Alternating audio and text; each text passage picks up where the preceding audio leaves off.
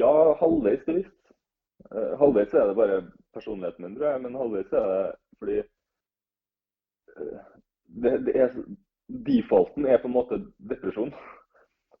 Så, men, men hvis jeg lar den defaulten liksom bare eskalere, så blir det Så sitter jeg der og har lyst til å bare ta livet av meg hver eneste dag. Da får ikke jeg gjort noe som helst.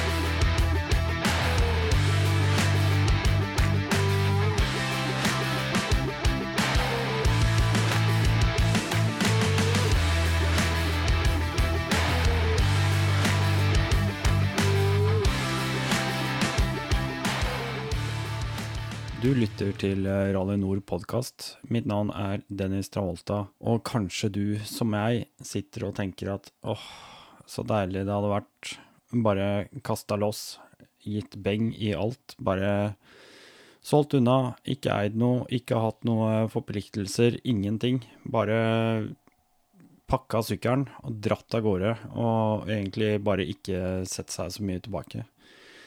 I dag så tar vi og snakker med en uh, fyr som har vært med i uh, en tidligere episode. Så dere har uh, fint rukket med å, bli kjent med han gjennom podkasten, men ikke minst så har han gjort seg veldig gjenkjennelig og tydelig på YouTube. Men nå skal vi ringe opp Kenneth Robertsen.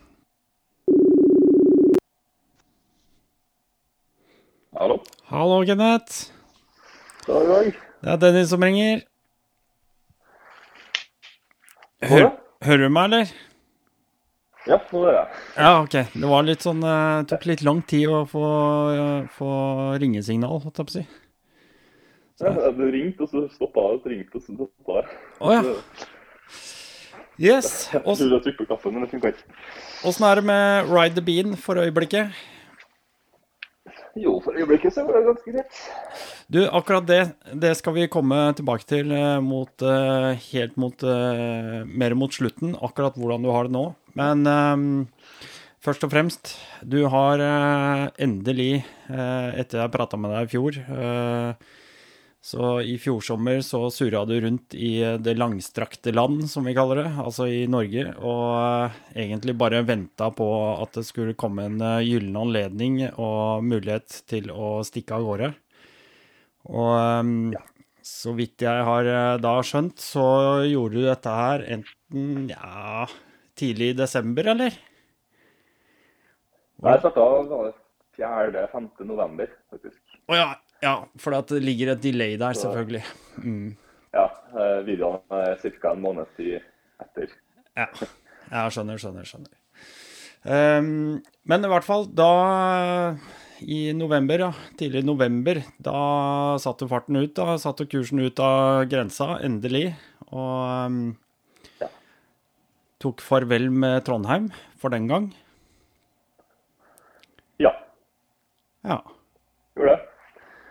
Hvordan eh, Jeg har satt kursen Ja. Hæ? Ja, du satt kursen. Jeg satt kursen mot, uh, mot Nice i Sør-Frankrike. Mm. Uh, fordi jeg måtte, uh, jeg måtte, komme meg ut av Norge før snøen kom. Ja. Ellers hadde jeg måttet vente helt til neste, neste år igjen. Mm. Eller i år nå. Ja. Skal, skal, vi ta en sånn rask oppsummering på den turen? For at, du, har jo, du har jo brukt lang tid nedover.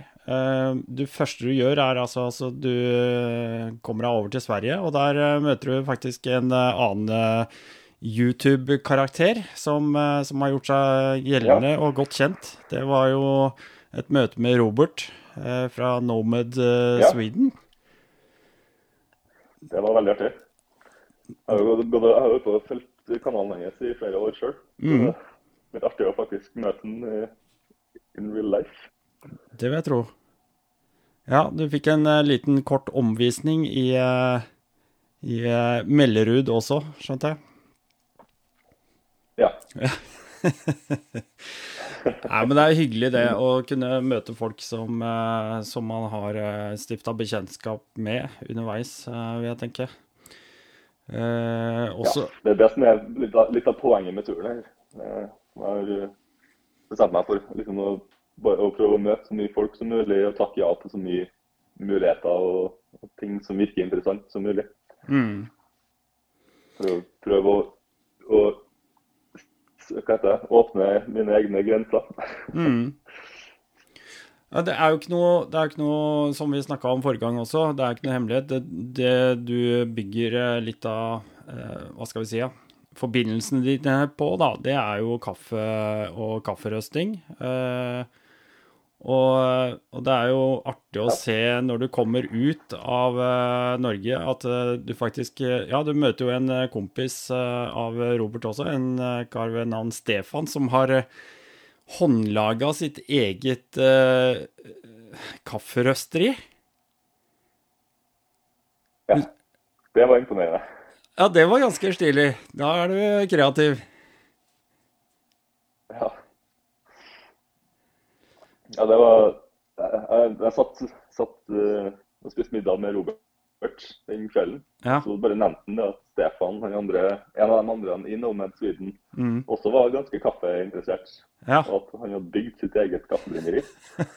Så han bare sendte han en melding og spurte om han var ledig, om han hadde tid til et besøk. Så, så det hadde han. Han tok, uh, tok fri lunsjen, og så kjørte over og og viste meg brenneriet sitt til lunsjen. Jeg må si da ble jeg superimponert, altså. Det, det, det er kult. Det er utrolig mye kreative sjeler rundt omkring. Ja, det er jo det. Altså, det er utrolig hva, hva fascinasjon og skal vi si, interesse kan føre folk til. Da. Ja. Du går ordentlig all in for det.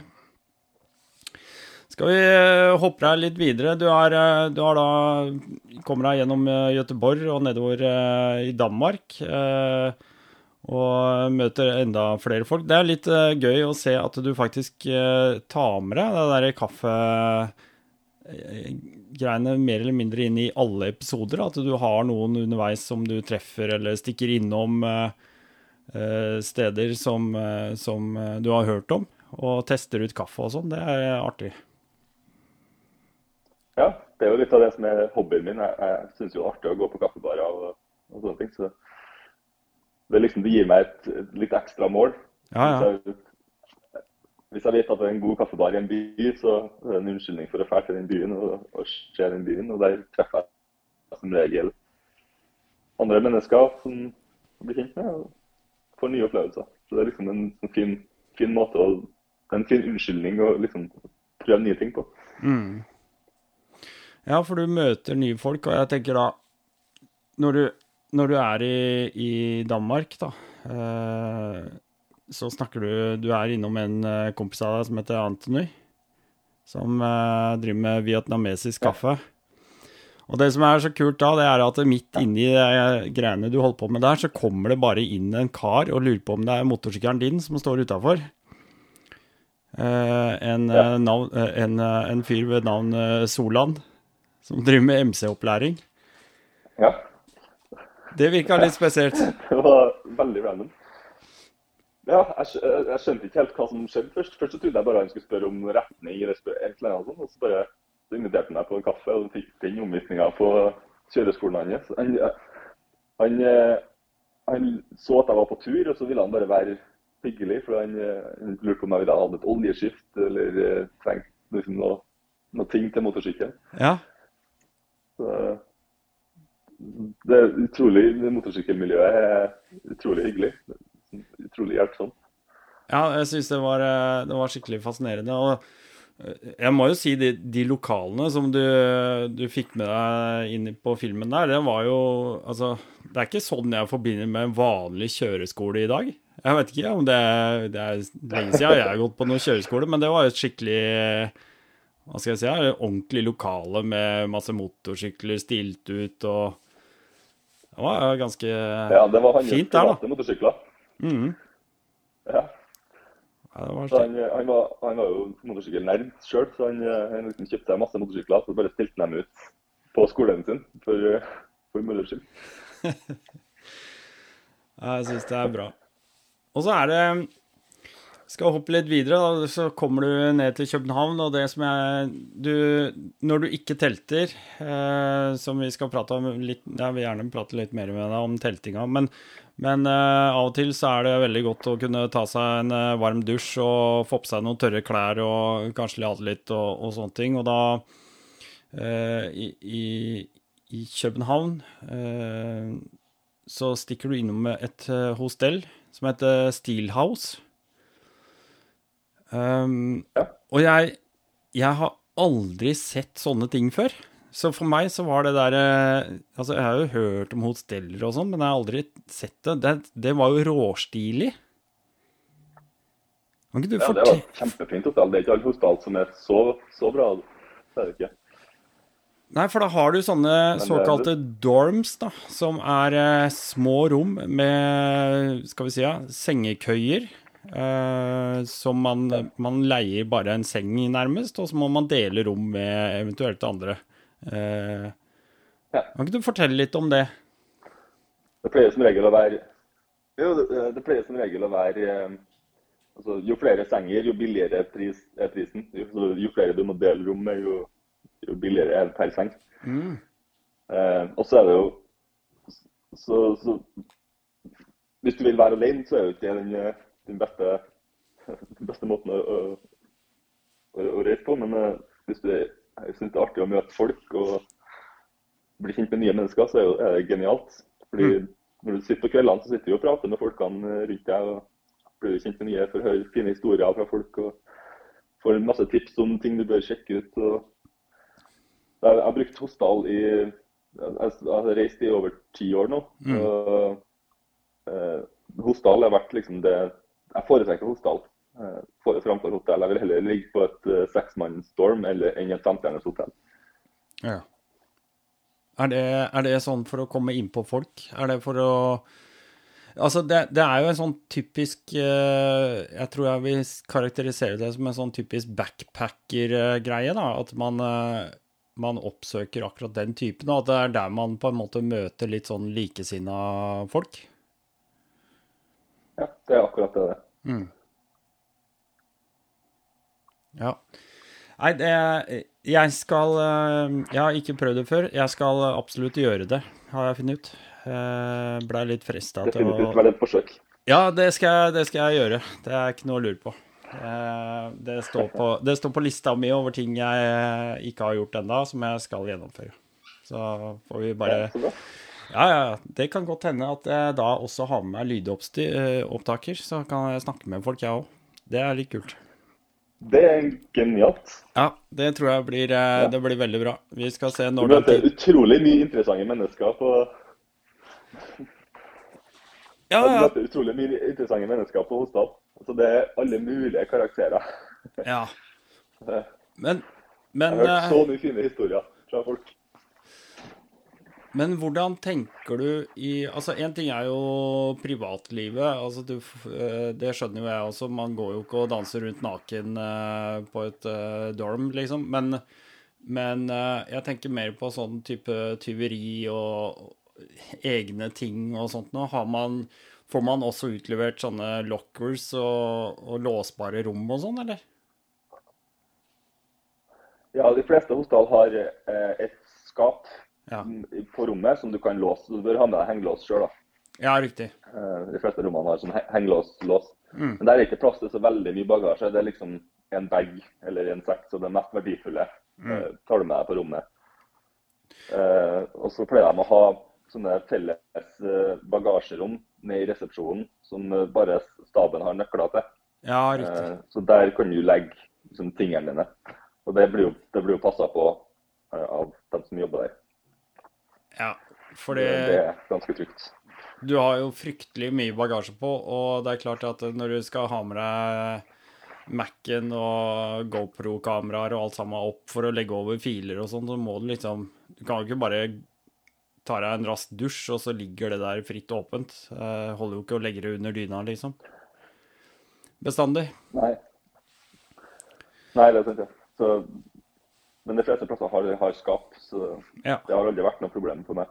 Jeg har aldri hatt noen negative opplevelser. Jeg har ligget på flere hundre hotell. Ja, ja. Så. Nei, jeg skjønner det. Men uh, du møter uh, Det er en annen hendelse også i Danmark som jeg syns er superkul. Eh, du møter Altså, du er på en bensinstasjon, og der møter, kommer det bort en danske og begynner å snakke med deg. Uh, og han, han har prøvd seg, jeg tror det var i 2019 eller 2017 han sa, så prøvde han å skulle kjøre seg en, en scooter opp til Nordkapp. Han var, han var skikkelig original figur. Han var morsom. Ja. Det var det, Jeg ble fascinert av, av hans historie. Han, eh, han kjørte en, en scooter Ja. fra, han, fra Danmark og var på vei til Nordkapp, men så drøyte han jo ned. halvveis opp. For Plutselig så kjørte han med hunden sin. Han hadde en, en labrador som han satt mellom beina sine på scooteren. Som bare lå der i Ja. 3000 km. Ja, For den bare hang over midtstolpa i den scooteren omtrent. Så det ut som. Ja. ja. Jeg skjønner ikke helt hvordan jeg har klart å få til det. Få hunden til å sitte så rolig i 3000 km på scooter. Det er Det er superfascinerende. Altså, sånne mennesker er bare så herlige. Ja, altså det var ikke en liten chihuahua heller, liksom. Det er Nei. en stor hund. Ja. Så, ja, så hadde han jo kommet opp til grensa nesten til Finland, og så hadde skuteren brøt ned. Så han hadde lagt seg og sovet i grøft under en presenning. Og så var det en fyr som hadde sett den tidligere på dagen, som kjørte forbi den. Og så, så tenkte han liksom nei, han, jeg kan ikke la han ligge der. Så han ga han bilen sin til å kjøre hjem til Danmark igjen. En Mercedes. Og så, så, sommeren etterpå så kom han opp med biler. Og da når han kom og leverte den, så kjøpte han fyren som lånte den biler, han kjøpte bobiler som han bor i nå. Ja. Det er helt utrolig. For en historie. Og for en fyr.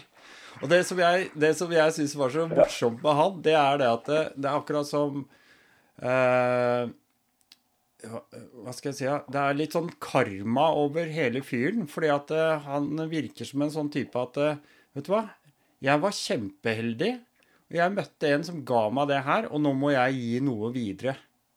Det var akkurat som han ville levere Ja. noe videre. Ja, det, det første han sa når han kom opp til meg, var «Hei, kan jeg gi deg noe? Hva, hva, hva, kan jeg gi deg? Hva trenger du? Ja. Han, han var liksom desperat etter, etter å gi meg noe. Jeg ble litt sånn satt ut av det. Jeg er ikke helt vant til, det, men utrolig hyggelig. ja.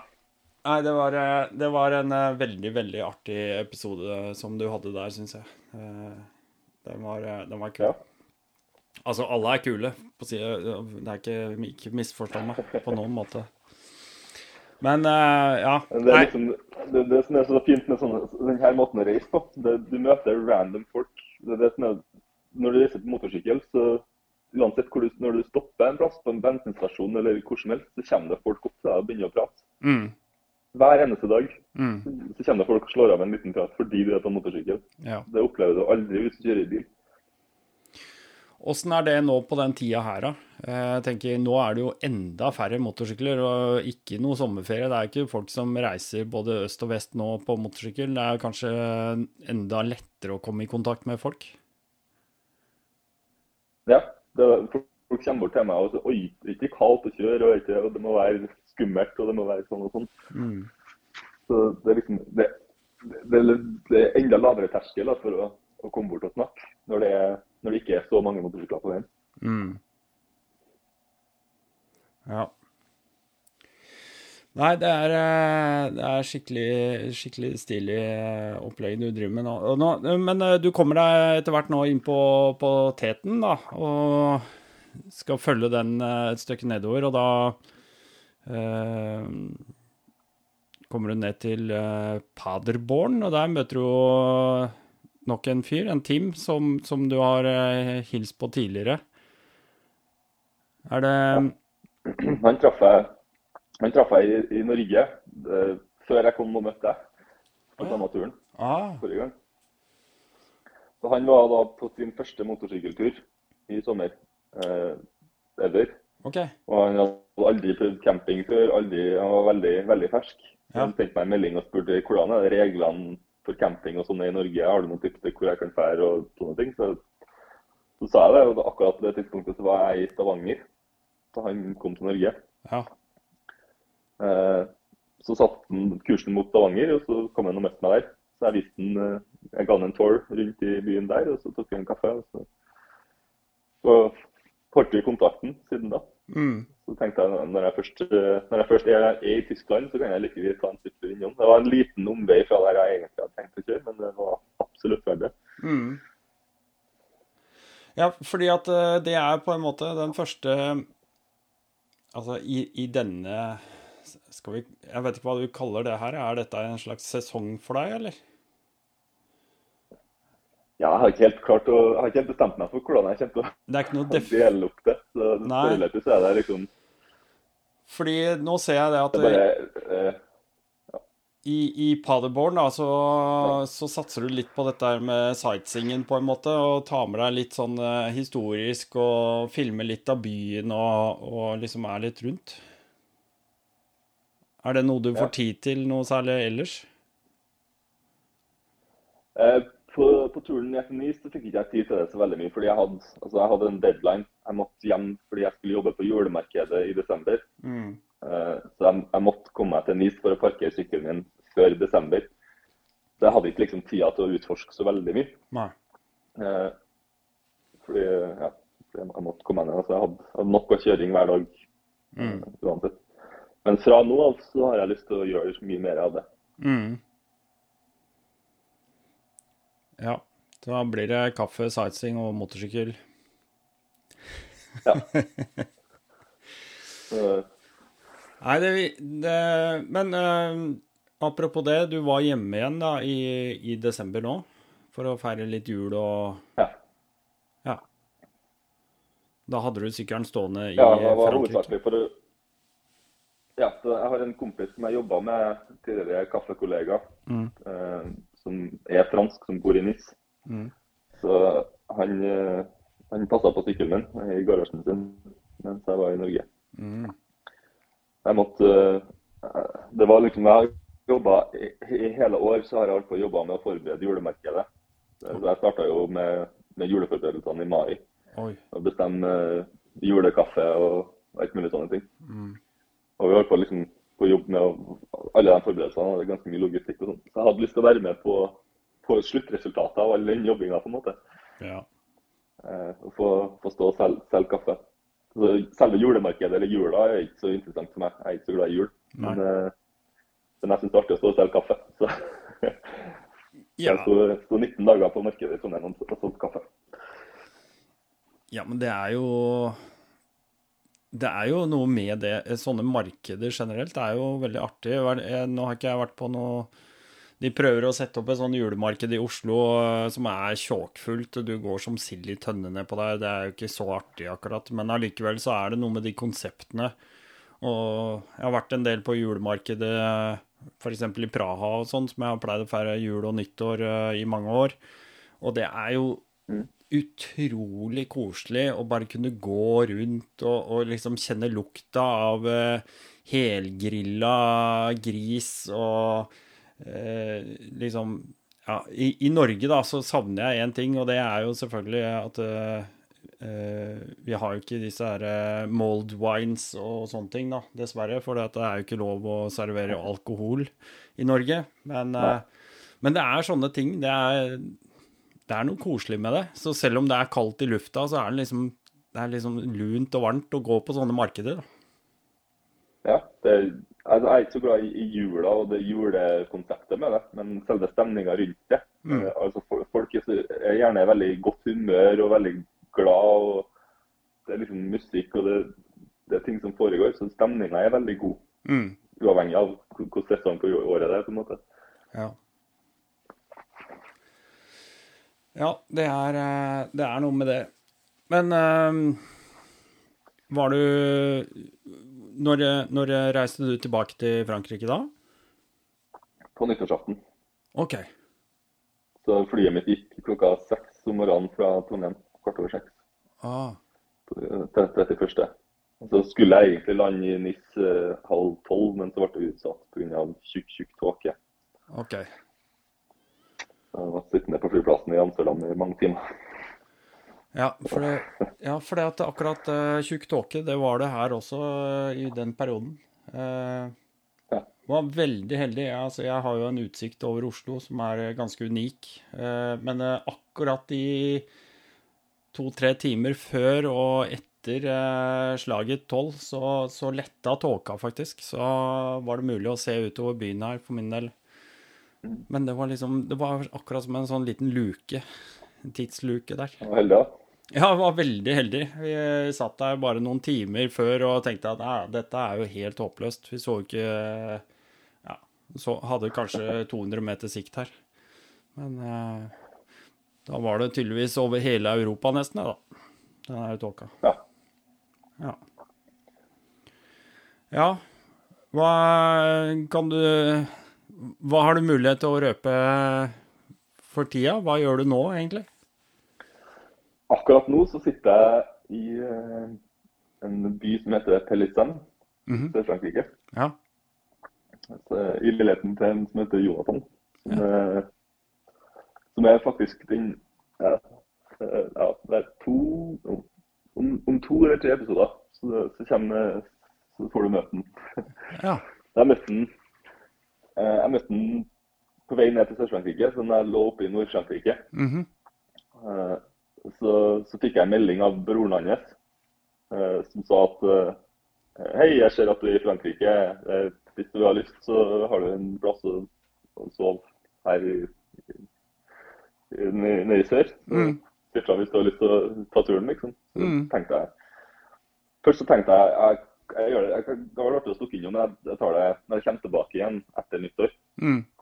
Eh, jeg hadde liksom å bruke, bruke litt mer tid oppe i, oppe i nord. Eh, men så var det jo bare tåke der også. Og så så jeg på værmeldinga eh, at det var meldt snø. Så jeg tenkte ah, shit. Ja. Nei, jeg kjører, jeg kjører sør så fort som overhodet mulig. Ja. Så jeg, jeg, jeg for innom han, da. Så på meldinga og sa jeg, jeg kommer, jeg kommer nå. ja. Og så, så ble jeg med, så ble jeg her et par dager før, før jeg for til Nis. Mm. Eh, og vi ble faktisk veldig gode venner. Og vi har nå begynt å planlegge noe ganske artig som jeg ikke skal, skal si så mye om helt ennå. Ja. Eh, Det kommer om en liten stund. Ja. Eller ja, måneds tid eller to. Ja, det blir spennende. Altså, Nå kommer ikke jeg til å droppe, droppe denne episoden med det første heller, altså, det er jo greit nok, men eh, eh, det er ikke noe vits i å røpe mer enn du trenger. Men er, er det lov å spørre om det er motorsykkelrelatert, eller? Det er motorsykkelrelatert. Okay. Veldig motorsykkelrelatert. Ja da, da får vi bare vente i spenning, vi andre. Altså, det, det blir spennende. Ja. Så når jeg kom tilbake til Nis, nå da, så, skulle jeg egentlig bo med han andre kompisen min, men han har vært satt i karantene. Så da, da får jeg tilbake til hit. Så, så har jeg vært her nå i et par dager. Åh. Ja. Ja, ja. Nei, men det er jo det er greit at du har i hvert fall tak over huet og ah, Ja. Det blir nok her eh, ja, eh, ja, frem til over helga, tror jeg. Og så får jeg møte noen andre som jeg har muligens uh, planer med. Det er ikke helt spikra, men vi får se. Mm. Og så setter jeg kursen mot eh, Spania etter det. Ja. Hvordan er temperaturene nedover der hos deg nå? Kaldt. Det er kaldt, ja. Eh, I går så var det seks grader. Ja. Skikkelig, skikkelig sur vind. Mm. ja. Hvis det er sånn sur vind, så er ikke seks grader mye, altså. Da, da er det inn til beinet kaldt allikevel. Det føles ut som seks minus, nesten. Ja, ikke sant? Det er noe med det. Og i hvert fall, jeg vet ikke, Er du i sånn flatt landskap med mye vann og sånn rundt òg, eller? Nei, det er mer fjell. Eller Ja, ja. Ja. Ja, du er jo sør, selvfølgelig. ja. Men um, jeg skal ikke, vi skal ikke røpe for mye av eh, det, det som eh, skjer eh, rundt deg nå, og det som skjer framover. Det skal du få lov til å spre eh, på din eh, supre YouTube-kanal. Jeg må jo si jeg, jeg, jeg er fryktelig imponert da, over Nå har jeg sett disse siste episodene, og den utviklinga fra du forlater Norge og ned til nå, så virker det som at du på en måte synker litt mer inn i det. At du For hver episode så virker det som skuldra senker seg lite grann. Er, Ja. er det riktig? Det stemmer egentlig ganske greit. det. Tar, det tar noen dager å, liksom, å komme seg inn i den rytmen og rutinen med å være på veien. Det er litt annerledes enn hverdagen igjen. Men når du først er inni det, så er det en utrolig deilig måte å leve på. Ja. Liksom det, det er helt stressfri. Du har, har ingen, ingen destinasjon som jeg må være på. Jeg har ingen, ingen folk jeg må forholde meg til. Jeg kan bare Hver morgen så ser jeg på kartet, og så Hæ, det ser ut som en interessant plass. Og så kjører jeg dit, og så dukker det opp noe på veien, og så tar jeg en detour. Så det er liksom Det er som å være på skattejakt hver dag, egentlig. Mm. Så, Nei, for det virker ikke veldig som fin måte å se verden på. Det virker på en måte som ikke tidspresset er så tilstedeværende nå mot slutten, på en måte. Altså, du tar litt grann mer til, tid til å sette opp eh, kamera, stativ eller tripod og, og liksom gjøre noen sånne snutter og liksom For å lime inn eller klippe inn små snutter underveis, da. Og, og liksom Ja. For det, sånne ting, det vet jeg jo av erfaring, det tar så lang tid å holde på med. For bare noen få sekunder med film. Ja, det er sant, ja. Men For meg så er det eh, Ja, det, det er en del ekstra arbeid, men uh, altså så, så, så, Sånn som du vet, historien min har slitt en del med, med depresjon og, og litt sånn uh, meningsløshet. Mm. Og det kameraet er det er på en måte et verktøy for å, for å oppleve ting. Mm. Så det, det på en måte gir meg motivasjon og gir meg måte styrke da, til, å, til, å, til å faktisk prøve ting. For Mm. uten det kameraet så er det bare meg sjøl det går utover. Mm. Eh, og da, da har jeg en tendens til å bare Nei, fuck it, jeg orker ikke. Jeg, jeg gidder ikke. Jeg orker ikke å stå på soveposen. Så bare, bare forsvinne, egentlig. Mm. Men hvis jeg har det kameraet, så er det sånn Det er noen som har lyst til å se en video. Mm. Da må jeg ut og filme noe. Jeg må ut og gjøre noe. Mm. Så det gir meg motivasjon til å få nye opplevelser. Når jeg egentlig innerst inne egentlig ikke har lyst til det. Mm. Og så mens jeg gjør det, så endres jo mentaliteten min. Eller jeg, jeg føler meg jo bedre. Jeg føler meg jo mer positiv når jeg faktisk er ute og gjør ting. Mm. Det er på en måte liksom drasnor. Det kan Jeg tror, jeg tror det der det kan eh, Man kan dra en parallell til andre ting. Det er litt som folk som sitter hjemme og bare ser på TV og eh, ikke har lyst til å stå opp om morgenen. Eh, De som kommer seg på en måte ut utafor døra, den derre dørstokkmila, som jeg kaller den. Ja. Over, dør, over dørterskelen og møter andre, går en tur, kanskje en time om dagen eller noe sånt noe. Eh, det er motivasjon Det er og gi gir mening. ja, det er utrolig mye hvor mye bare en, en liten interaksjon med noen andre, eller en liten Bare det å komme seg ut Mm. noen minutter, det, det gjør dagen så mye bedre. Mm. Så det, det er vanskelig å komme seg ut av døra, komme seg over dørstokken, men når du først er ute, så er du kjempeglad for at du gjorde det. Ja. Er kamera det eneste som kan motivere deg eh, når du har litt mørke dager? Ja, egentlig. Fordi jeg vet at det, jeg er nødt til å publisere en video. Ja. Eh, eller jeg er nødt, jeg er ikke nødt til å gjøre noe som helst, men altså, jeg, jeg, jeg har lyst til å publisere en video. Eh, og hvis jeg skal gjøre det, så er jeg nødt til å ut og filme. Eh, og så uansett hvor dritt jeg føler meg, så, så må jeg hvis jeg skal publisere videoen. Så, så det, det er liksom en det kan være gjerne tvinge meg til å faktisk gjøre ting som jeg egentlig ikke har lyst til der og da, men som jeg innerst inne egentlig har lyst til å gjøre. Ja. Jeg har sett noen eh, merkelige konsepter opp igjennom, og noe av det er jo latterkurs. Hvor folk Ja. bare møtes, eh, hvor det er kanskje to ganger i uka. Så møtes man på et lokale klokka åtte og bare ler med hverandre. Det, det er sikkert kjempehyggelig, det. Og det forløser mye endorfiner og mye beroligende ting som skjer i kroppen bare man begynner å le. Og man trenger ikke å le av noe spesielt, men det er i en større gruppe så, så har man en sånn masse eh, Hva skal jeg si? Det har en sånn masseeffekt. Og jeg ser jo det at eh, i dine videoer så eh, er det mye fliring. Eh, det er mye godt humør, og uansett hvor mørkt det kan virke, så er det som om du har en eh, Du har en evne da, til å prøve å gjøre det til noe positivt. Ja. Er det bevisst? Det, ja, halvveis bevisst. Uh, halvveis er det bare personligheten min, tror jeg. Men halvveis er det fordi uh, det, det er, Defaulten er på en måte depresjon. Mm. Så, men, men, hvis jeg lar den defaulten liksom bare eskalere, så blir det Så sitter jeg der og har lyst til å bare ta livet av meg hver eneste dag. Da får ikke jeg gjort noe som helst. Nei. Så jeg på, må på en måte tvinge meg sjøl til å prøve å se det positive i alt. Mm. Eh, og alt har jo noe positivt i seg. Mm. Så uansett hvor, hvor negativt ting kan bli, så kan du lære av det. Så Ulykkene mine krasja i fjor, så jeg lærte jo noe av det. Mm. Det er en, en veldig kostbar erfaring, men, men jeg, har, jeg har vokst som menneske pga. den erfaringa. Mm. Jeg, har, jeg ser verden på en helt annen måte nå enn jeg gjorde før ulykka. Mm. Så alt har noe positivt i seg. Jeg prøver liksom bare å, fokusere på det.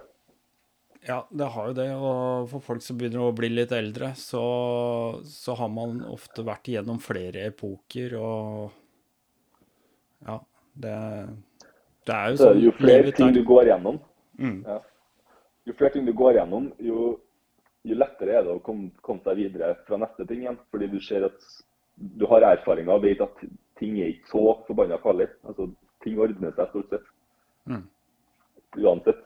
Når du har opplevd tragedie, så, så virker alt veldig veldig skummelt. Fordi det, det virker som en absolutt. Men når du har gått gjennom det, så vet du at nei, verden går videre. Det, Mm. det går sikkert greit til slutt. Ja, det gjør det. Eh, Det må bare gjøre det. Eh, Og eh, en annen fantastisk evne som de fleste av oss besitter, det er jo faktisk at man kommer seg videre ved å etter hvert ja, distinsere seg fra Distansere seg fra opplevelser og gamle tanker. da. Veldig sant. Så jeg har jo, den YouTube-kanalen min har jo hjulpet meg veldig mye gjennom det her. fordi altså, jeg, jeg lager den jo egentlig mest for meg sjøl. Mm. Det er jo for min egen del at jeg, at jeg lager videoene, egentlig. Mm. Men responsen jeg får altså Jeg har hørt så mange utrolige historier. Folk har åpna seg opp til meg og fortalt om sine tragedier. og mistet, Folk som har mista sine barn til, til selvmord. og Folk har vært i ulykker og mista beina sine. og liksom, Folk har vært gjennom utrolig mye ting. Og så, men, og så åpner de seg og forteller hele historien sin til meg fordi jeg var åpen på video. Mm. Det synes jeg det har vært en utrolig motivasjon og inspirasjon. Og Hver eneste dag nå så får jeg meldinger der folk sier takk til meg Mm. fordi at de har sett videoen din. Mm. Det er en veldig sånn surrealistisk greie, men, men jeg setter utrolig pris på det. Og Det hjelper meg å se ting, sette ting i perspektiv. Da, og, og, og se liksom at altså, mitt liv er ikke, er ikke eneste, eneste tragedien i verden. skulle du si. Folk har det ille. Alle, alle folk sliter med ting. Ja. Så, så du føler deg ikke alene.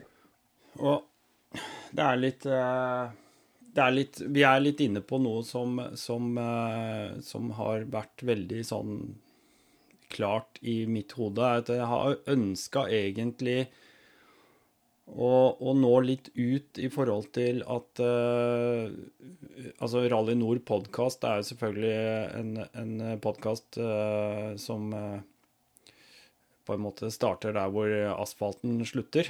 Eh, men men eh, men det er mennesker, og uansett om vi er motorsyklister, så er vi bare mennesker, og vi har alle unike historier og hendelser, og eh, vi har alle våre problemer, eh, ikke sant? Mm. Eh,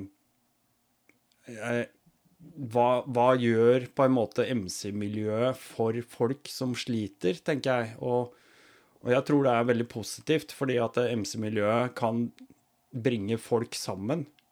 Akkurat sånn som ja. du snakker om nå, at man eh, Man møter random folk pga. en felles interesse, og så ser man at eh, vi er ikke så ulike allikevel. Så selv om vi står der og er eh, verdens tøffeste og møtes på teten på råtneblikk og står og sparker i dekka til hverandre, så, så er det folk på innsida. Ja, det er veldig sant. Det, det, er det som gjør at jeg, det det som gjør at jeg liker motorsykkelmiljøet så mye. Mm. Jeg er jo ganske fersk i det miljøet, men jeg har følt meg utrolig velkommen. Mm. Jeg har ikke, møtt, har ikke, hatt noen negative opplevelser med motorsykkelfolk Nei. i det hele tatt. Og Det samme er det med kaffemiljøet. Så For meg så er det De to miljøene er jo de miljøene jeg kjenner best nå. Mm. Så de har, de har, begge det som kjerne, på en måte. Det menneskelige. Mm. Det syns jeg, jeg er utrolig fint. Ja. Nei, det er og det, Ja, akkurat det der jeg er nesten litt misunnelig på den der kaffeinteressen din. Fordi det er Det virker som at du har Du har ikke bare det ene miljøet, du har liksom to miljøer, og det er litt sånn Oi. Wow, det er kult. Nei da. Det er To ganske forskjellige miljøer, men med samme filosofi, på en måte. Ja, så har vi da endelig kommet til uh, den magiske stunden i denne podkasten, hvor jeg da får muligheten til å snakke litt om uh, Patron. Jeg er jo da selvfølgelig velsignet av uh, noen patrons der ute som donerer meg noen beløp i måneden, slik at vi kan holde dette over vann. Og det setter jeg jo selvfølgelig kjempestor pris på. Og i den forbindelse så vil jeg bare få lest opp eh, fra en melding jeg fikk fra en av mine seneste påmeldte patrons. Og der står det da i følgende Tok meg endelig tid til å gå gjennom hele prosessen for å bli patron, sånn at jeg kunne støtte deg. Gjorde et forsøk i sommer, men røkk aldri å komme meg gjennom. Håper du fortsetter den gode jobben med podkasten uten å slite deg ut. Det må jo kjøres sykkel også. Lykke til videre. Med vennlig hilsen Frank. Hashtag 890rally. Og Frank, eh, tusen hjertelig takk eh, for det. Jeg setter kjempestor pris på det. Eh, og det er klart at det, det drypper stadig inn noen. Eh, og ehm, dette her, det gjør etter hvert at ting flyter litt bedre for meg. Uh, I forrige podkast så leste jeg jo selvfølgelig opp uh, budsjettet for i år, og det var allerede fra med 2. januar så var jeg nesten 6000 kroner i minus. Så der var balansen ganske negativ, kan du si. Men det er sånn det er. Hvis man skal få dette her til å gro og vokse og bli noe bedre og større og mer kvalitetssikkert, så må det også investeres penger. Eh, men det er klart, eh, som en glad amatør så må jeg jo se på dette som eh, et slags hobbyprosjekt. Men i motsetning til å samle på frimerker, så er jo dette et hobbyprosjekt som kommer deg som lytter til gode. Og det er klart det at hvis du syns at det er hadde vært hyggelig, kanskje, å kunne bidra til å befeste denne podkasten. Eh, så kan du også bare gå inn i linken i shownotes til min patron. Det tar seg lite grann. Altså, det er noen knappetrykk her og der. Du må liksom registrere deg hvis du ikke er fra før og sånn. Men når det er gjort, så trenger du ikke å tenke mer på det. Uh, og der kan du velge da mellom og Tidligere hadde jeg noe som heter Rally 25, den er bortfalt. Men du kan velge mellom Rally 50 og Rally 100. eh, som tilsvarer da ønsket beløp eh, i måneden. Og det setter jeg enormt stor pris på hvis du gjør det. Um, da kan jeg jo også benytte tiden til, som jeg alltid gjør, takke de som eh, faktisk eh, er med og støtter denne podden. Og det er Frode, Rune, Thor, Ruben, Pål, Morten, Geir Martin, Gravel Boys i Bergen, Annar og Frank og Steinar. Og da, skjønner dere, da er vi faktisk oppe i elleve patrons. Uh, og det er jo helt utrolig kult at vi har kommet så langt. Jeg vil også minne om at disse patronsene de får disse uncut-versjonene. Så når du hører denne, så har de hatt den i lang tid allerede, denne podkasten. Og det er uten reklame, uten masse tulleball med musikk og sånne ting, og ikke helt redigert. Så der er det kanskje litt sånn bakgrunnssnacks. Kanskje. Um, og så eh, er det én ting til, og det er at uh, Eh, når dette glir litt mer nå, så har vi en eh, Discord-kanal. Det er et forum som, eh, som, vi kan være litt på og aktive og ha litt Der kan vi chatte med hverandre, vi kan skrive, vi kan legge inn poste innlegg, bilder, bla, bla, bla. Sånne ting som er litt sånn kult å være med på. Så mm, det, det kommer til å bli stilig. Men vi må bli litt Vi må gro litt først, sånn at eh, vi får eh, flere inn der. Og da, da blir det kjempekult. Da blir det et eget lite miljø. Og det, det ser jeg også veldig fram til. Så vær så god, og eh, se nedi i shownos, dvs. Si teksten der hvor du leser om denne episoden, f.eks. Og så trykker du på den linken, og så er det magi. Da skjer det bare magier. Men med det så fortsetter vi videre i denne episoden. Takk. Hvor mye tid bruker du på Altså, motorsykkelen, det, det, er jo heltid. Det er, eh, det er verktøyet for å i det hele tatt uh, gjøre noe som helst. Men uh, Så den, den, er jo satt. Men jeg tenker på hvor mye tid tenker du kaffe? Er det du bare stikker innom en kaffebar, prater med noen random folk, eller hender Ja, det er egentlig Ja. Mm. Nei, bare fortsett. Eh, ja, nei, eh, ja, det kaffe um, jeg, jeg stikker innom eh, jeg, jeg, liker jo å opp, oppsøke nye kaffebarer og, og, sånne ting overalt der jeg reiser. Det har jo vært en hobby i 15 år. Mm. Uh, så alltid når jeg kommer til en ny plass, så prøver jeg litt etter den beste kaffebaren i byen. Mm. Og eh, Der finner jeg jo alltid mennesker å prate med. Og, og, men, men, jeg, men, jeg, bruker ikke så mye tid på kaffe ellers. Jeg lager meg liksom en kaffe i teltet. Så, mm. så, av og til, hvis jeg møter noen på veien, så lager jeg en kopp kaffe for å slå av en prat hvis noen folk har tida til det. Det har ikke skjedd så mye nå på veien hit, men uh, det har skjedd en del ganger i sommer og sånn. Du møter random folk på veien. Mm. Uh, folk står parkert på en bensinstasjon, og så slår de en prat, og så Hei, har du, lyst på en kopp kaffe? Jeg skal brygge en kopp kaffe nå. Så blir du kjent med folk. Ja. Det, det, er ikke noe at jeg bruker veldig mye tid på det, sånn sett, men uh, det er liksom alltid en liten del av, av, av hverdagen. på en måte.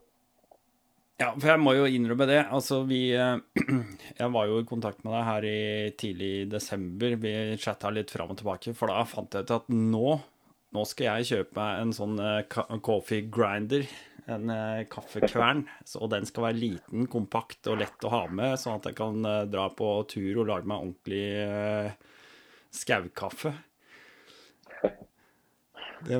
Ja, Har du fått brukt den, da? Ja da, jeg har faktisk det. Og jeg har egentlig brukt den mer hjemme enn jeg har brukt den på tur, for det, sånn har det vært. Men, eh, men jeg har brukt den en del, altså. Men, eh, men, det er klart, eh, jeg skjønner godt at du ler fryktelig godt av meg når jeg posta et bilde av en Hva var det for en pose med Ja. Starbucks-kaffe? Starbucks-kaffe, ja. Jeg visste at jeg skulle få litt tyn pga. det, men jeg tenkte nei, faen, jeg må jo prøve den. Og det var liksom det, det eneste, eller det beste jeg fant på Rema rett utafor døra her. Så da ble det sånn.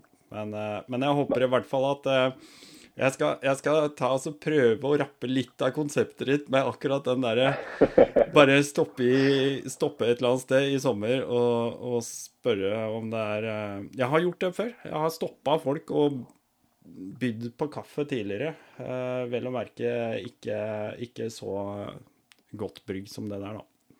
Men eh, det funker. Det funker. Ja, det har jeg gjort bestandig, egentlig. Når jeg, når jeg er ute og flyr, så pleier jeg å ha med meg aeropressen min på fly. Og så har jeg med meg kaffekverna mi. Ja. Og så ber jeg om varmvann fra fly, fly, hva heter? Ja. De som jobber, på flyet. Så står stilt. Um, og så brygger jeg kaffe. Altså god kaffe på flyet. Så det er alltid så artig når, når jeg begynner å kverne fersk kaffe. Ja. Så kjenner du at du, så ser du liksom nesene begynner å stikke opp fra flysetene forover. Så pleier jeg liksom å dele kaffe med dem jeg sitter ved siden av. da. Det blir kjent med folk. Det er utrolig kult, da, for den kaffen som du får på flyet, den er ikke, den er ikke mye å skrive hjem om eh, som regel. Nei, det, det er gift. Jeg skjønner ikke at de har lov å servere det. Nei, det skjønner ikke jeg heller. Det er som mange andre steder òg, tenker jeg. Det er vel derfor ikke folk tar tog. Antageligvis har de hatt ja. for dårlig kaffe de siste åra. Så folk har slutta å ta tog. De har gått over på fly som er like dårlig kaffe, bare med et hint av uh, Peru. Ja. Du må bli, bli, medlem av The Mile High Air Press Club. Ja, akkurat det fins, eller? Det fins. Facebook-gruppe. Det var kult. Ja, Det fins noe for alle. Ja, alle vi som brygger kaffe på 10 000 fot. Å, fy fader. Ja, ja, jeg har hørt om det òg. Ja, det er kult. Um, men vi er litt uh, For å bringe deg litt tilbake uh, Du Du hadde, som du sa, relativt fersk motorsyklist, sa du i stad. Ja. Uh, hvordan, hvordan syns du det går nå? Jo, jeg, jeg, føler meg relativt komfortabel med, med å kjøre. Jeg føler at jeg har, jeg, jeg har, blitt veldig mye bedre det siste året. Og mm. veldig mye tryggere for meg sjøl mm. det siste året. Um, men jeg har fortsatt veldig, veldig mye å lære, merker jeg. Jeg merker det spesielt når jeg kjører på, på tetten når det er gjørmete og, og sånne ting så merker jeg at oi, her mangler jeg skills, her mangler jeg erfaring. Ja. Men du har tung sykkel, og du har tung oppakning, og du har antageligvis mye luft i dekk som eh, egner seg bedre på asfalt? Ja, helt klart. Eh, jeg har jo kanskje litt mer vekt enn folk flest. Jeg har med meg fem kilo kaffe. du har med fem kilo kaffe, ja. Og, ja. Og, ja. Ja, men det skjønner jeg jo. Du må jo det. Er jo, det er ikke det at det var så morsomt i seg selv. Det er bare, det er bare annerledes. Ja, jeg tror det er så de minimalistiske motorsyklistene som sier at du må alltid redusere vekt her og der, skal de har blitt sinte på meg. Men det... Ja, så det blir ikke noe sånne 500 EXC? Nei. Nei. Nei, det skjønner jeg godt. Nei, det er uh ja. Nei, jeg ser det. Det er, uh, det er glatt på de der eh, tetene nedover i Nederland og Belgia og rundt omkring der. Så, ja, i hvert fall på denne tida av året. Ja, fy fader. Det er ikke noe å lure på. Det er ikke noe å lure på. Men jeg ser eh, La meg spørre om det, fordi eh, du har eh, Du har bytta ut noe utstyr etter i sommer. Ja. Du har endra litt på eh, pakkinga di, og du har endra telt, ikke minst. Ja. Jeg husker uh, du hadde noen uttalelser om det teltet en gang i tida. Ja, det, jeg elsker jo det teltet. Det er jo utrolig komfortabelt. Det er jo luksus. Det er jo som å ha med seg en villa på tur. Ja, Hvilket telt er det vi snakker om, da? da det er Lone Rider mototelt. Ja. Det er jo... Så jeg, hvis du er to stykker, ja. og én kan ha teltet og én kan ha annen bagasje, mm. så er det absolutt verdt å ha med. Men mm. det, det ble litt stort, uh, fant jeg ut. Og spesielt siden jeg, jeg måtte, måtte, endre Eller jeg måtte, måtte måtte, men jeg endra sideveskene mine. Jeg hadde jo Lone Rider sidevesker. Ja. Um, og så bytta jeg den ut med Moscow Moto Reckless 80. Mm. Og Grunnen til det var fordi det er egentlig én grunn hovedsakelig, og det var at uh, den, den, versjonen jeg hadde av Lone Rider-bagene, var permanent montert. Ja. Da hadde jeg valget enten å kjøpe og betale for en ny bracket til og styre med alt det, eller å bare kjøpe et nytt system. Og det norske motorsystemet var ikke så mye dyrere enn, bare den quick release-systemet til Longrider. Så da fant jeg at da prøver jeg heller det. Og jeg, jeg har vært veldig fornøyd med det så langt. Så sykkelen er mye smalere nå. Ja. Så det er lettere å kjøre gjennom uh, det smalere plasser. Mm. Ja. Uh, jeg kikka litt på det der. Toppboks for, eh, for, å ha, føle meg litt tryggere. For å ha noe jeg kunne låst, liksom. Ja. Kan ha verdisaker i. Ja.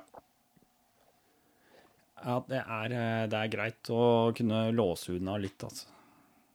Ja. Det er det. De derre Du får vel noen sånne Eh, til Moskomotoen så får du vel også noen sånne vaiersystemer som du kan låse bagene nedi, så du ikke får bare dratt dem opp og sånt nå også, hvis du vil det. Gjør du ikke det?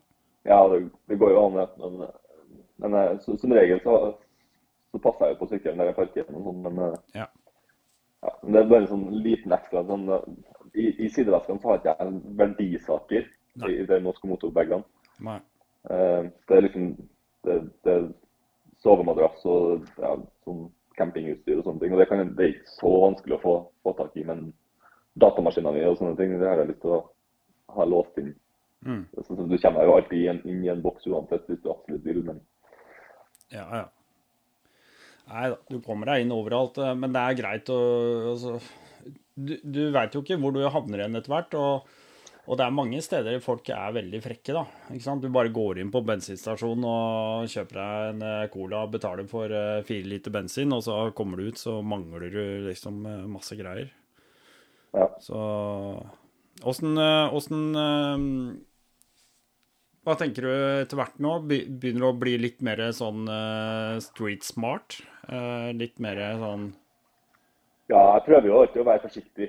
Altså, jeg, jeg prøver alltid, når jeg, hvis, jeg, hvis jeg er i en by, så prøver jeg alltid å finne ordentlig parkering eh, der jeg kan gjemme unna sykkelen og, og, sånne ting. Og, og jeg prøver jo jeg, Som regel så, så, prøver jeg Jeg har blitt invitert til masse folk eh, nedover Europa, så da får jeg jo som oftest parkere i hagen deres. Eller mm. altså, det finnes en plass å parkere.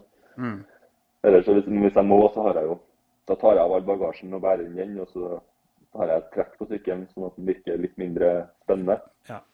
Og så prøver jeg å parkere den i en åpen og lys plass der det alltid er folk som går forbi. Mm. Ja, det er, eh, det er, smart. Akkurat det der med å ha trekk på sykkelen er, eh, som du sier, altså, det er veldig lurt. Og jeg tror det kan være veldig preventivt i forhold til at folk ikke får ja. noen sånne øyekast og ville ideer om at uh, her må jeg ringe noen kompiser med en gang. Så mm. det, er, det er litt mindre attraktivt. Ja, helt klart. Det er ikke dumt, det, altså. Det er ikke dumt. Nei, jeg um, Det blir veldig spennende å følge med nå. Er det hvordan, hvordan, er mindsettet nå? Er det nå er du fri fra Norge på en måte og ikke har noen begrensninger? Hvordan ligger det an akkurat nå? Det er basically det. det akkurat nå så har jeg absolutt ingen planer. Jeg har tenkt å være på veien til jeg går tom for penger. Eh, eller til, enten til jeg går tom for penger, eller til jeg blir lei. Ja. ja. Eh, og så tar jeg egentlig hver dag som det kommer. Mm. Eh, dukker opp en mulighet, så, så følger jeg den. Gjør det ikke det, så gjør jeg noe annet. Jeg er helt, helt åpen og bare åpen for nye opplevelser, basically. Ja. Men eh, altså, jeg håper jo at den pandemien kan begynne å roe seg ned litt. Det er ikke så altfor lenge. Ja. Sånn at jeg kan begynne å reise litt utenfor Europa. For jeg har jo en altså Det er ikke noe som er det er ikke noe som er spikra eller noe som er liksom bestemt, eller noe som helst ja, men jeg har en drøm altså, Jeg hadde jo lyst til å kjøre fælt til Afrika, det var jo den store drømmen. Men sånn som Afrika ser ut nå, så virker ikke det mulig. Vest-Afrika er helt håpløst. og Mar Marokko og Vest-Sahara er jo krig, og Kamerun er krig. og det, Du kommer deg ikke gjennom landene. Det er helt umulig basically akkurat nå. Ja. Eh, så kan jeg, jeg kan jo selvfølgelig skippe sykkelen til Sør-Afrika og dra rundt der, sånn som Ichibuts Boots eh, gjorde. Mm. Uh, men jeg tror, jeg tror jeg har lyst til å kjøre Amerika nå. Så jeg prøver, holder på å prøve å se på muligheter og hvordan jeg skal klare å komme meg til Amerika. Klare å kjøre litt borti der.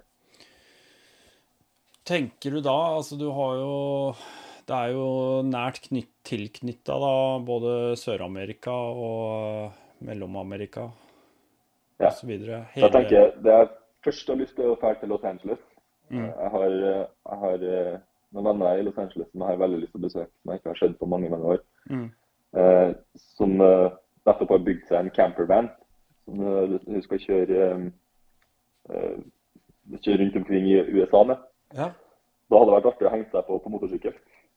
Ja. En må- måneds tid på motorsykkel etter en campervan, så har jeg en kjempekomfortabel plass å sove. Så, men jeg får kjøre og gjøre det jeg har lyst til på motorsykkelen samtidig. Kult. Eh, og så etter det kanskje ja, kjøre noen måneder rundt omkring i USA, og så sette kursen sørover. Ja. Mot, uh, mot kaffe, kaffeproduserende land i Sør-Amerika og Sentral-Amerika. Så du tenker egentlig å begynne nordfra, og så kommer deg sørover, du? Ja. Jeg ser det er veldig mange som velger den andre veien. De starter sør og kjører nordover. Det er det flere som ja gjør. Begynner liksom i det. Ushuaia, og så kommer seg oppover eh, den veien.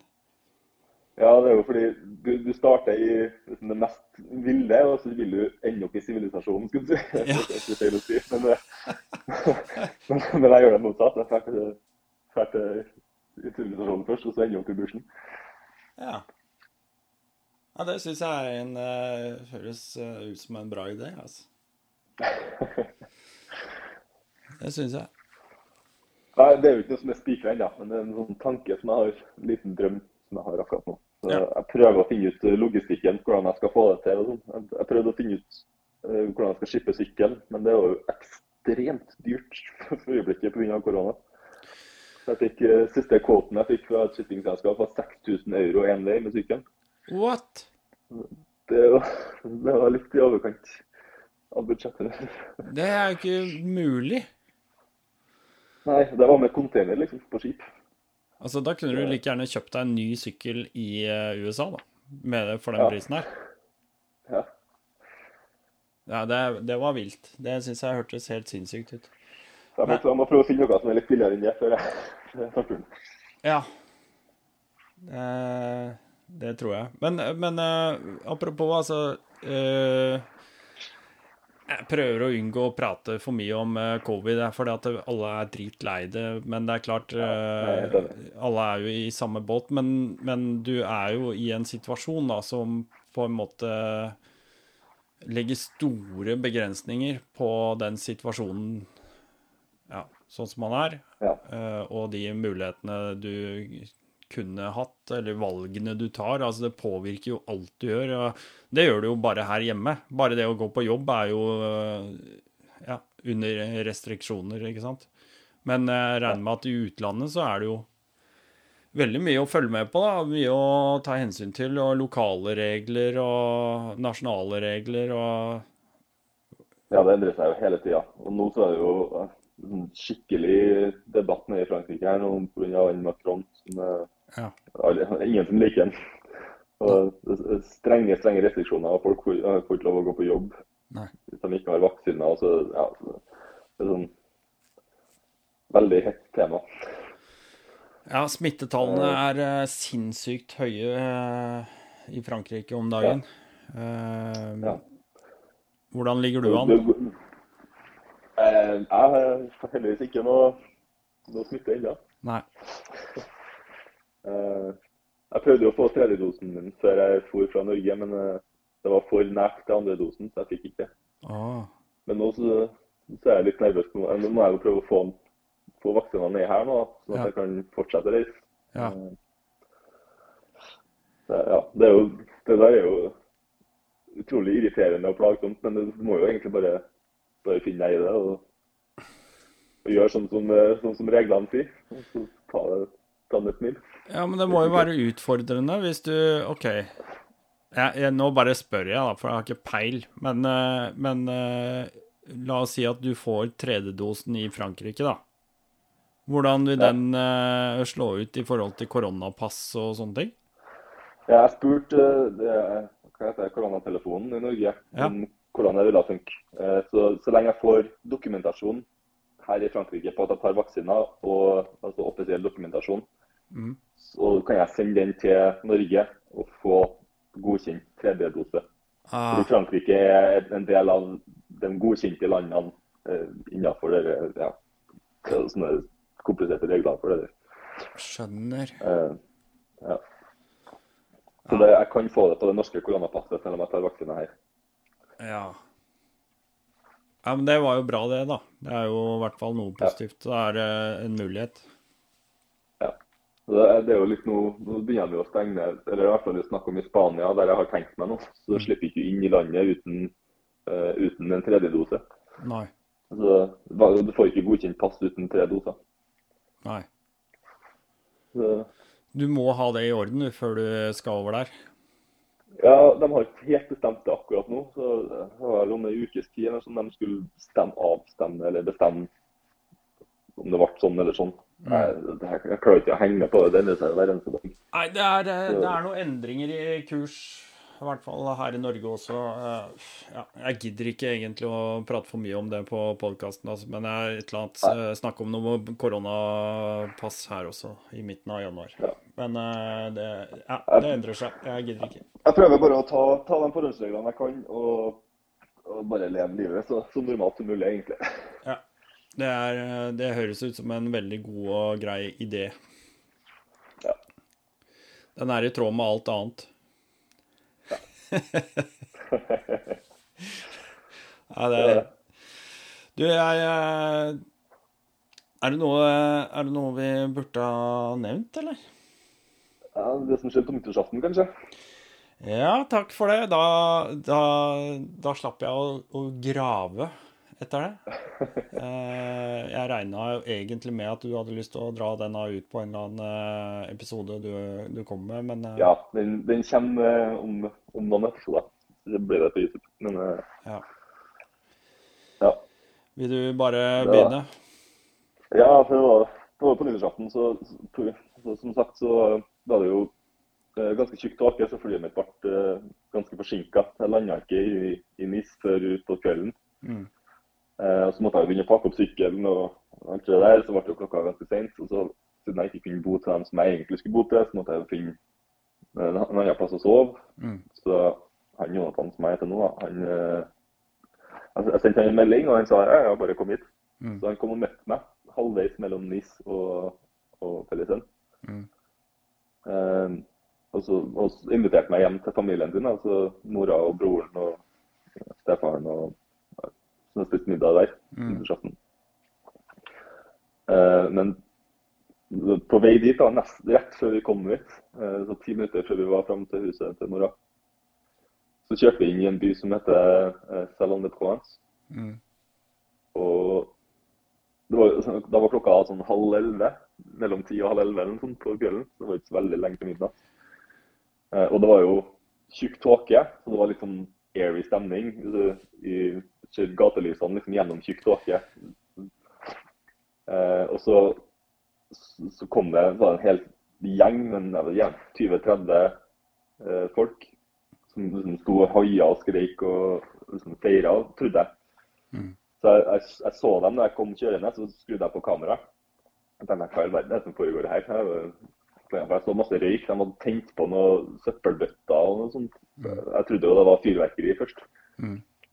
Eh, men så, når jeg kom nærmere dem, da, så, så plutselig så sprang alle sammen ut i veien rett foran oss, så jeg måtte jo stoppe. Så lurte jeg på hva er det som foregår her nå.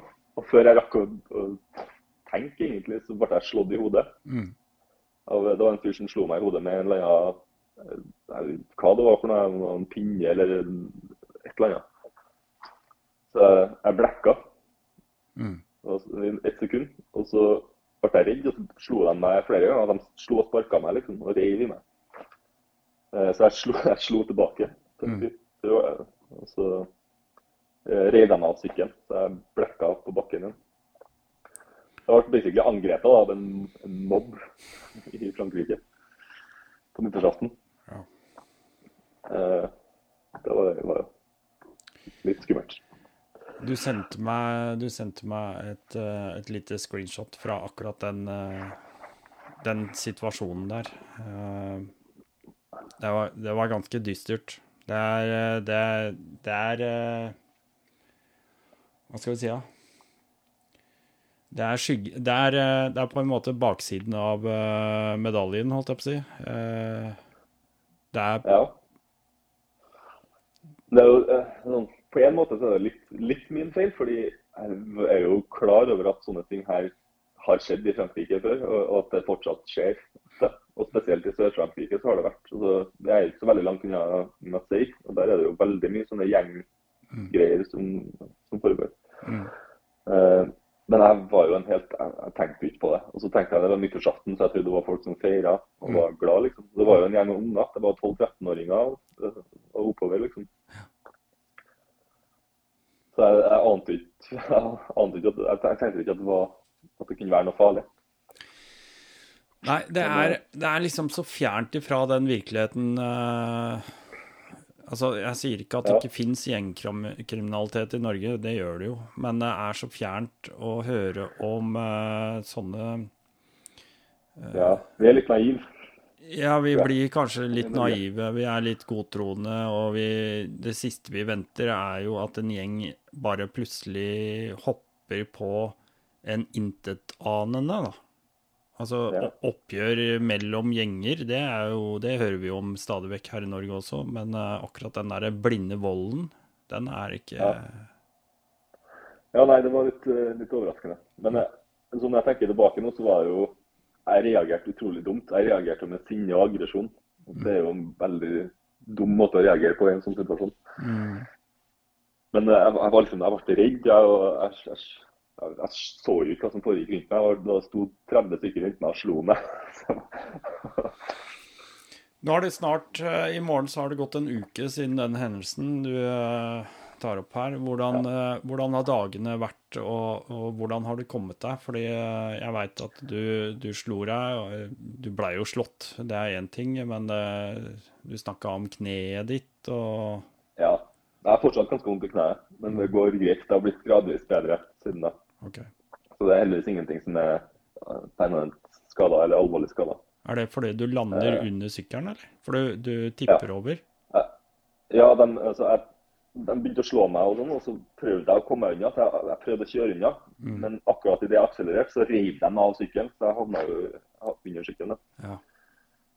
Uh, um, og så, jeg, så slo jeg hodet det var sånn, rett i, i bakken, så jeg bløkka i tre-fire-fem sekunder.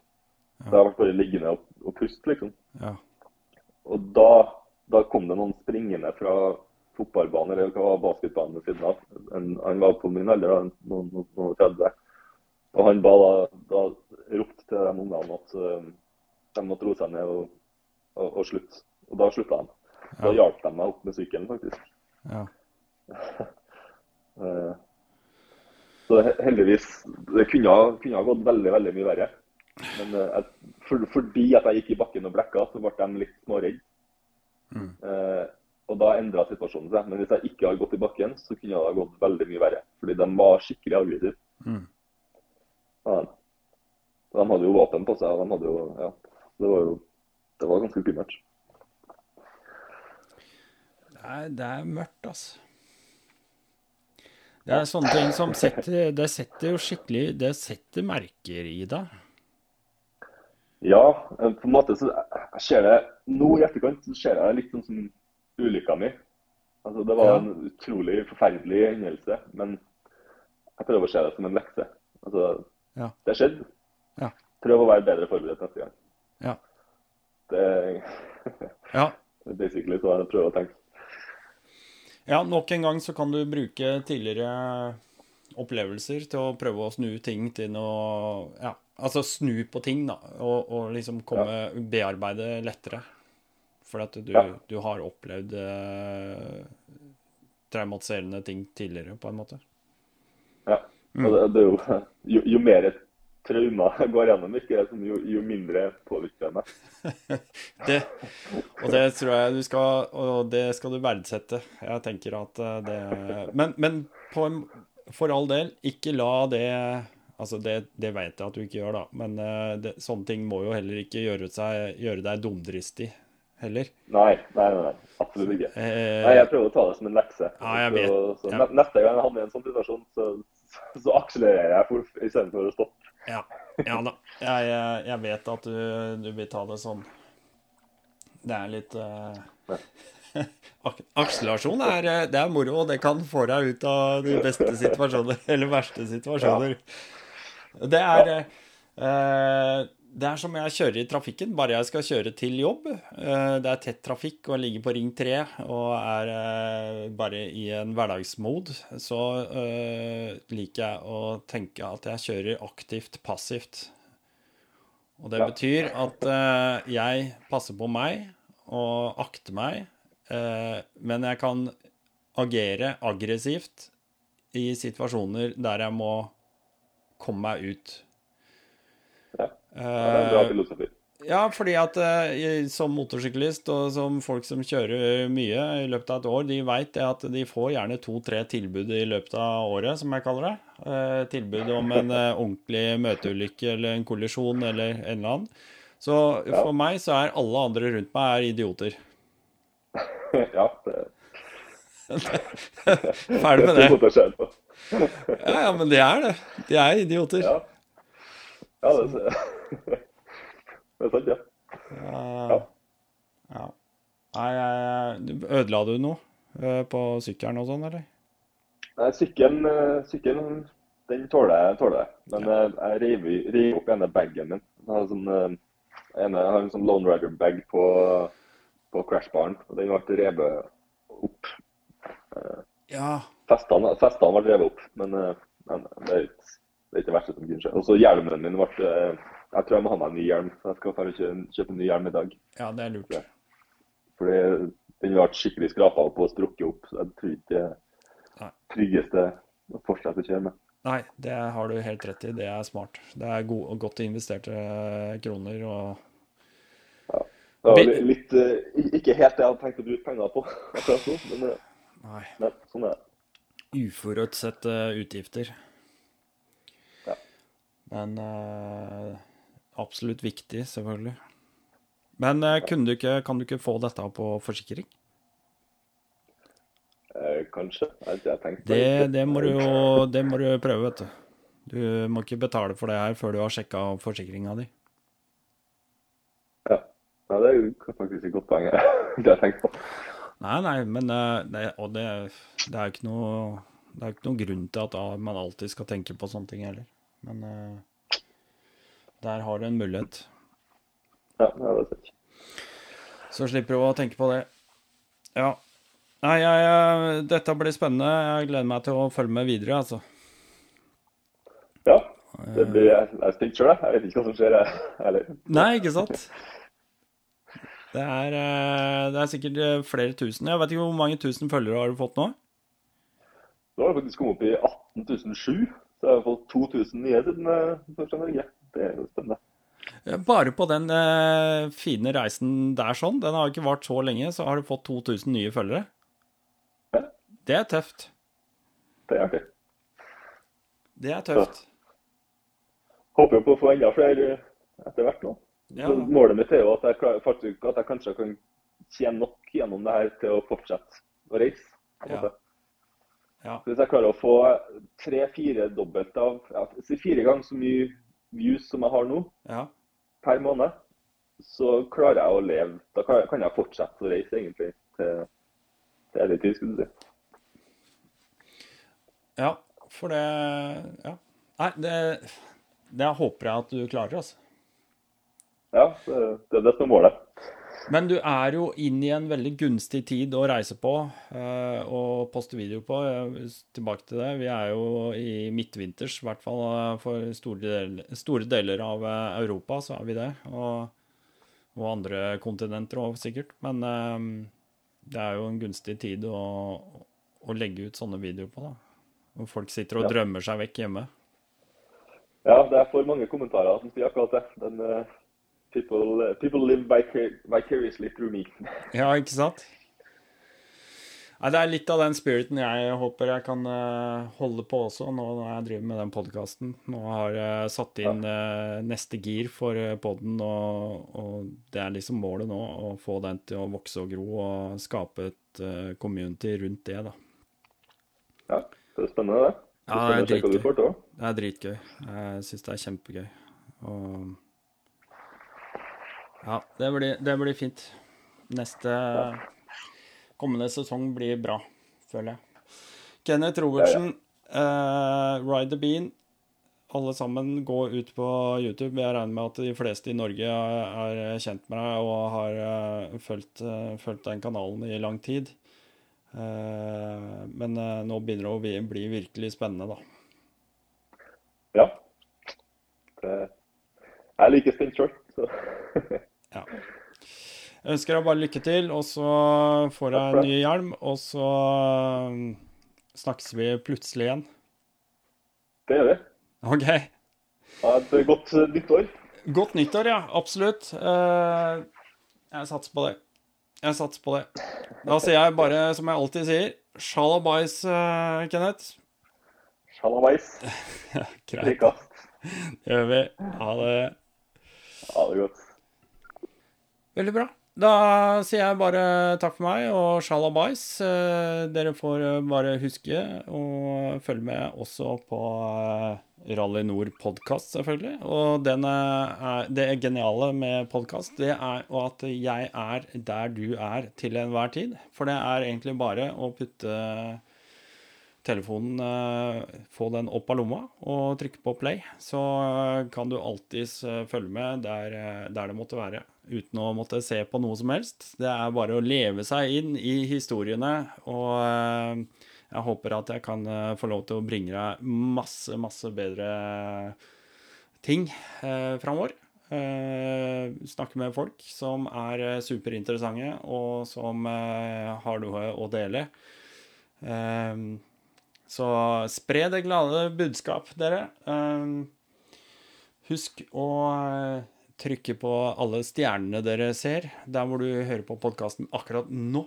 Eh, og gi meg gjerne en eh, omtale også. Det hadde jeg satt pris på. Sånne ting, det er, eh, det er, det er hyggelig. Veldig, veldig hyggelig. Så desto flere stjerner, desto bedre er det også. OK? Jeg tar og avslutter med det. På gjensyn, eller gjenhør heter det. Beklager. Hei, hei.